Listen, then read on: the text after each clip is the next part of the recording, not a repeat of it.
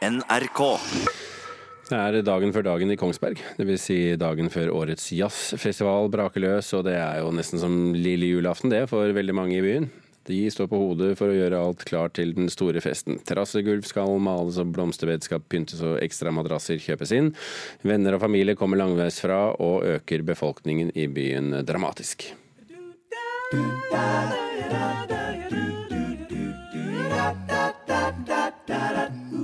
helt ny rammemadrass står lent inntil ytterveggen og venter på å bli båret inn. Gjennom et smalt portrom, over gammel brostein, til en nydelig bakhage omgitt av svarte tømmervegger og hvitmalte vinduer. Marit Fossan venter gjester. Mange gjester. Og sånn er det for de fleste i Bergstaden under Kongsberg Jazzfestival. Her blir det absolutt fest. Så da setter vi oss da rundt eh, her, og noen finner fram stoler. Jeg har ekstra stoler så de kan sette seg inntil. Og så, og så vet alle at jeg er hjemme. Så det er ikke sånn veldig organisert, men folk bare kommer dumpende inn. Og noen ganger er jeg her, og noen ganger er jeg ikke her. Mor tar imot. Mor tar imot. Hvem er det som kommer? Venner fra eh, både Kongsberg og Rollag og, eh, og Barnas Venner, som er fra alle steder fra. Mm. Og så har du kjøpt uh, med flere madrasser? Jeg har kjøpt én madrass bare ekstra. Men jeg har ganske mange fra før, så det ble, legger jeg ut. Og er, Noen ganger blir de i bruk, andre ganger så, så er de overflødige. Men da, da er det et tilbud.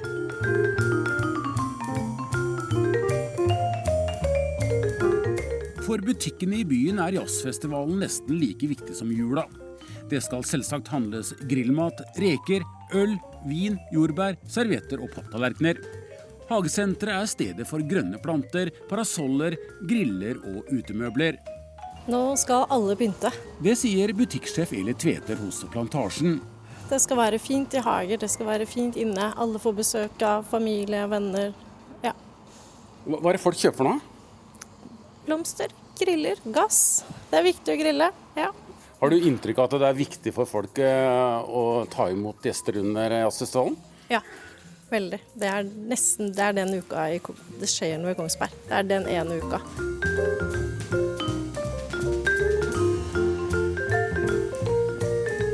Eh, vi merker det veldig godt på at folk skal gjøre klar uteområdet sitt og peise på å bli ferdig med terrassen.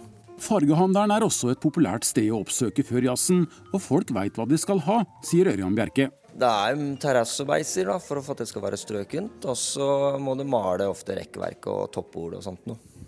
Alle har en utefest på jazzen, det er onsdag eller torsdag, fredag eller lørdag.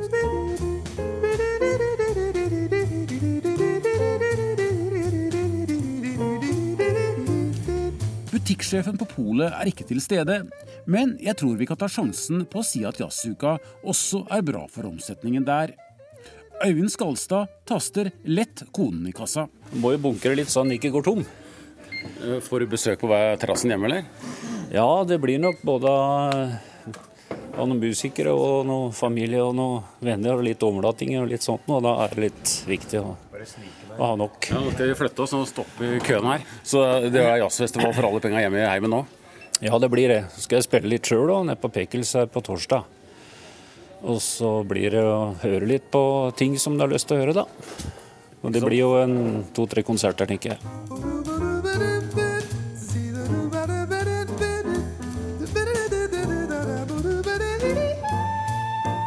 Og når Marit Therese Fossan oppsummerer, er hun glad for å kunne bidra til det sosiale livet i byen under jazzfestivalen.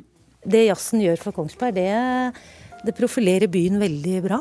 Og viser hvor flott by det egentlig er.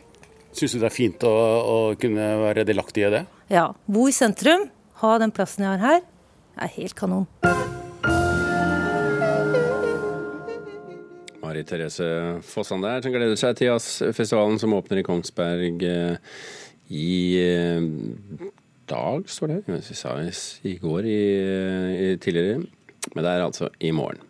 Reporter i innslaget var Ingar Andreassen. Hvis du lurte på hvilken musikk vi spilte her, så var det vokalgruppa Take Six eh, som skal være med på festivalen. Denne låta sang de sammen med Bobby McFerrin og Modern Jazz Quartet. Det var Bags Groove, og fra jazz til rap.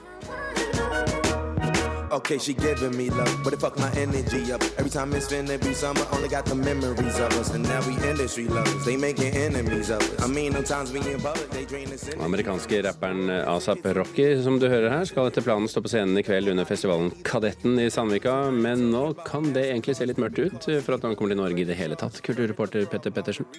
Ja, for eh, den amerikanske rapperen og norgesaktuelle rapperen Asap Rocky er i natt blitt arrestert av svensk politi mistenkt for grov mishandling etter et slagsmål i Stockholm sentrum søndag kveld, skriver svenske Aftonbladet i dag.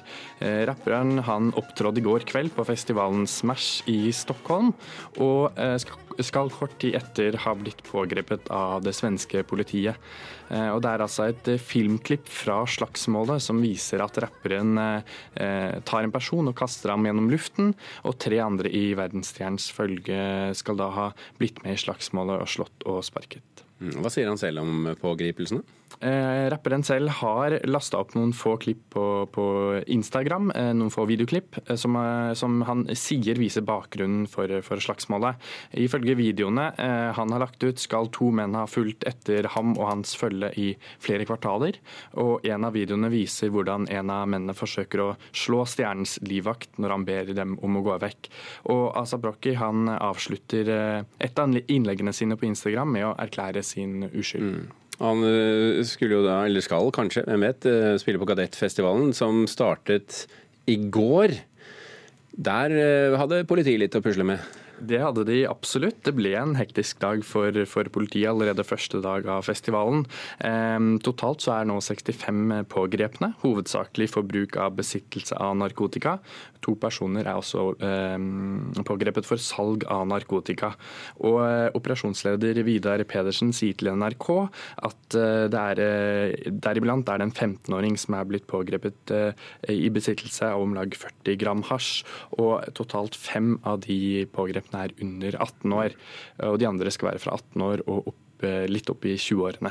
Eh, politiet sier at de ser eh, behovet for at de er til stede på festivalen. Ok, Petter Pettersen, takk for orienteringen. Vi skal fortsette en litt annen gren av kulturlivet. Fordi Gunnar B. Kvaran slutter som direktør ved Astrup Fearnley-museet i begynnelsen av neste år. Kvaran har jo ledet dette museet i 19 år. Likevel så kom avtredenen ganske overraskende på vår kunstanmelder Mona Palle Bjerke. Jeg har tenkt i alle årene at 19 eh, år, det blir eh, OK, men 20 år det blir for mye. I 19 år har islandske Gunnar B. Kvaran leia Astrup Fearnley-museet i Oslo. Han var med på flyttelasset i 2012 for Dronningens gate til de nye lokalene på Tjuvholmen. Det er næringslivsleder Hans Rasmus Astrup som eier Astrup Fearnley-samlinga. Da Astrup gikk av som styreleder i fjor, bestemte Kvaren seg for at det var på tide å slutte som direktør. Det er ingen dramatikk bak, eh, bak eh, den eh, bestemmelsen. Absolutt ikke. Men jeg tenkte det var en god anledning når Hans Rasmus har trukket seg som styreformann. Og som jeg sa, som jeg sier, at uh, mitt arbeid her på museet har vært veldig mye i en direkte dialog med Hans Rasmus. Mm. Så, så, dette var en anledning til at uh, unngå å bli 20 år på astroferiemuseet? Jeg ble ganske overrasket. Det sier NRKs kunstkritiker Mona Palle Bjerke. Gunnar Kvaran er liksom selve hjertet i institusjonen, og han er jo ikke så gammel ennå. Han har jo ikke nådd eh, pensjonsalder. Så det var veldig overraskende at han eh, skulle gå av. I tillegg til å være direktør, har Kvaran også vært en veldig aktiv kurator og har vært involvert i de fleste utstillinger på museet. Eh, dette har vært eh, veldig intensive 19 år, som har vært eh, stort sett en, en maratondialog med Hans Asmus Astrup om kunst og kunstnere og forskjellige kunstverk. Han har jo virket som en utrolig begeistret og engasjert leder. Og så har han jo ikke bare vært en administrativ leder, men også en slags sjefskurator som har hatt en finger med i spillet i veldig mange av utstillingene som har vært laget. Så det er jo sånn det er, det er nesten vanskelig å forestille seg museet uten han, faktisk. Hans Rasmus Astrup mener Gunnar B. Kvaran har vært en bauta i museets vekst og anseelse. I ei pressemelding skriver Astrup at takket være Kvarens nettverk og kompetanse har museet tidlig kunnet invitere store internasjonale kunstnere til Oslo, som annet Yoko Ono og Matthew Barney. Jeg tror han vil bli veldig savnet. Han er jo alltid sånn veldig veldig positivt ansikt ut da, eh, for eh, institusjonen. Så det, jo, det er jo store sko å fylle for en arvtaker. Selv om Kvaran går av som direktør, vil han fortsette å være involvert i framtidige prosjekt. Det er planlagt at stillinger som ny direktør blir lyst ut i august. Hvilke forventninger har du til din etterfølger? Jeg håper at det blir en, en, en interessant eh, person som tar museet videre. Det var ønsket til Gunnar Kvaran, det, og reportere her, det var Helga Tunheim. Godzilla, X-Men og Men in Black har allerede inntatt norske kinoer i sommer, og denne uken så får de selskap av en av tegneserieverdenens mest populære superhelter, Spiderman. Everywhere I go, I see his face. I just really miss him. Braksuksessen Avengers Endgame smelte av mye krutt og gjorde store endringer i Marvel sitt superheltlandskap, og Spiderman Far From Home er her for å lade kanonen for nye eventyr. Det betyr at det brukes litt tid på å tegne og forklare om The Avengers og hva som har skjedd siden sist, samtidig som det sedvanlige spesialeffektsirkuset går i full overtenning når nye superskurker ankommer jorda. Regissør John Watts er effektiv og får plass til både en lun kjærlighetshistorie og noen sjangergode spørsmål rundt ansvar, plikt og identitet innimellom all smadringa, og hadde det ikke vært for en kjedelig superskurk, så kunne det her ha blitt en skikkelig sommerslager. You're Nick Fury. Put some clothes on. Let's go for a ride. Peter Parker, aka Spiderman, og klassen hans skal bruke sommerferien på en skoletur til Europa. En ypperlig anledning til å ikke være superhelt, og heller bruke tida på å kurtisere venninna MJ. Men Europa viser seg å ha store problemer.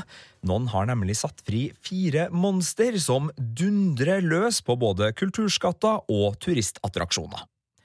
Spiderman er en morsom, spretten og skolesmart actionhelt i Tom Holland sin skikkelse.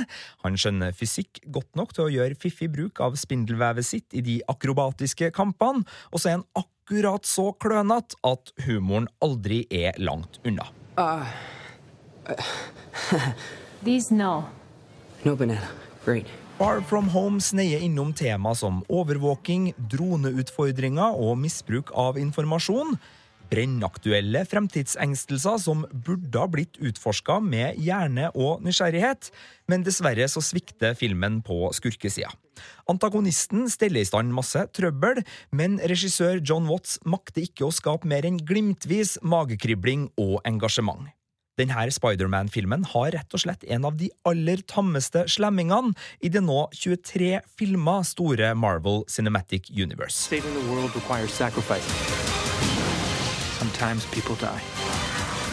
Blant birollene på den gode sida er det heldigvis mye bedre.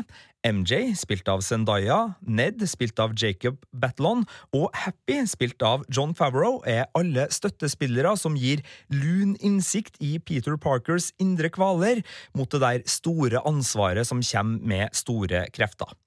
Den personlige superheltutviklinga og vennskapsbåndene er med på å løfte her til et ikke feilfritt, men severdig tilskudd til både Spiderman-universet og kinosommeren. You sent Nick Fury to voicemail? I gotta go. You do not ghost Nick Fury. Terningkast fire. Spiderman Far From Home har kinopremiere i dag, og det var Sigurd Vik som anmeldte den for oss.